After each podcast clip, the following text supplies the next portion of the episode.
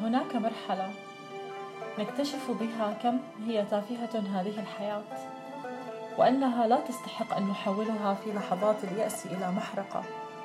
نلقي بأنفسنا فيها ونتحول بها إلى رماد. إنها المرحلة التي نضحك بها بصوت عال حين نكتشف كم بالغنا في الثقة بأرواح لا تستحق. مرحلة نندم بها على خوض حكايات لا تليق بنا. والخجل من علاقات ما كان يجب أن ننغمس لقاعها. مرحلة نستند بها إلى حيطان أحزاننا ونحصي الخسائر ونكتشف بها ضخامة خسائرنا العاطفية والنفسية والاجتماعية والمادية. مرحلة نرى بها الأشياء على حقيقتها بلا أقنعة بلا رتوش ولا أحجام مبالغ بها. لأرواح نحن من حولها إلى عمالقة حين صدقنا أقنعة مواقفهم أمامنا. مرحلة نغادر بها لمحطات أرهقنا الوقوف عليها ودمر نفسياتنا مرور قطارات العمر من فوقها. فنطير بلا أجنحة ونغادر بلا تردد. مرحلة يجب أن نعيد بها ترتيب الوجوه والأحبة والأصدقاء والأولويات والاهتمامات. يجب أن نخفف فيها سفن أعمارنا من أشخاص لا يستحقون إكمال الإبحار معنا ولا يستحقون مشاركتنا فرحة الوصول لشواطئ الأمان مرحلة يجب أن تدق فيها أجراس المغادرة فتطير بها بلا أجنحة وتغادر بها بلا تردد.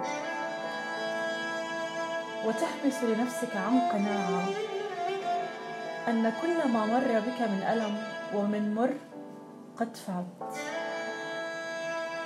مرحلة نوقف بها مسلسل الذل والمهانات ونغادر بها أسوار حكاية فاشلة. ونكتفي بالقدر الذي سفك من أعمارنا على أبوابها. مرحلة نصفع فيها كل الوجوه التي ألمتنا. مرحلة نخفف بها من أعباء اضطررنا لحملها من أجل الآخرين. هموم ابتلعناها كي نوفر لهم مساحات من الأمن والأمان. مرحلة لا نتردد فيها بالتخلص من بقايا أناس نجحوا في أداء أدوار الفرسان في حكايات كاذبة. سلبت أحلامنا أجملها ومن العمر أطهرها. إنها المرحلة التي تعود بها إلى نفسك وإلى روحك وإلى جسدك.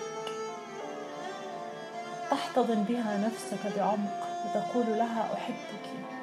من لي غيرك؟ من سيسندني سواك؟ فأنت لي ما تبقى من العمر وأنا معك سأبقى وسأحيا وسأحبك. وكوني على يقين كوني على يقين. لو أخفقت يوما ليس لأنني لا أحبك بل لأنني لم أعرف حينها ماذا أفعل. والآن أعدك سأفعل كل ما بيدي وسأقرأ وسأتعلم وسأتوسل إلى الله لكي أصل بك إلى ما تستحقين. مع حبي.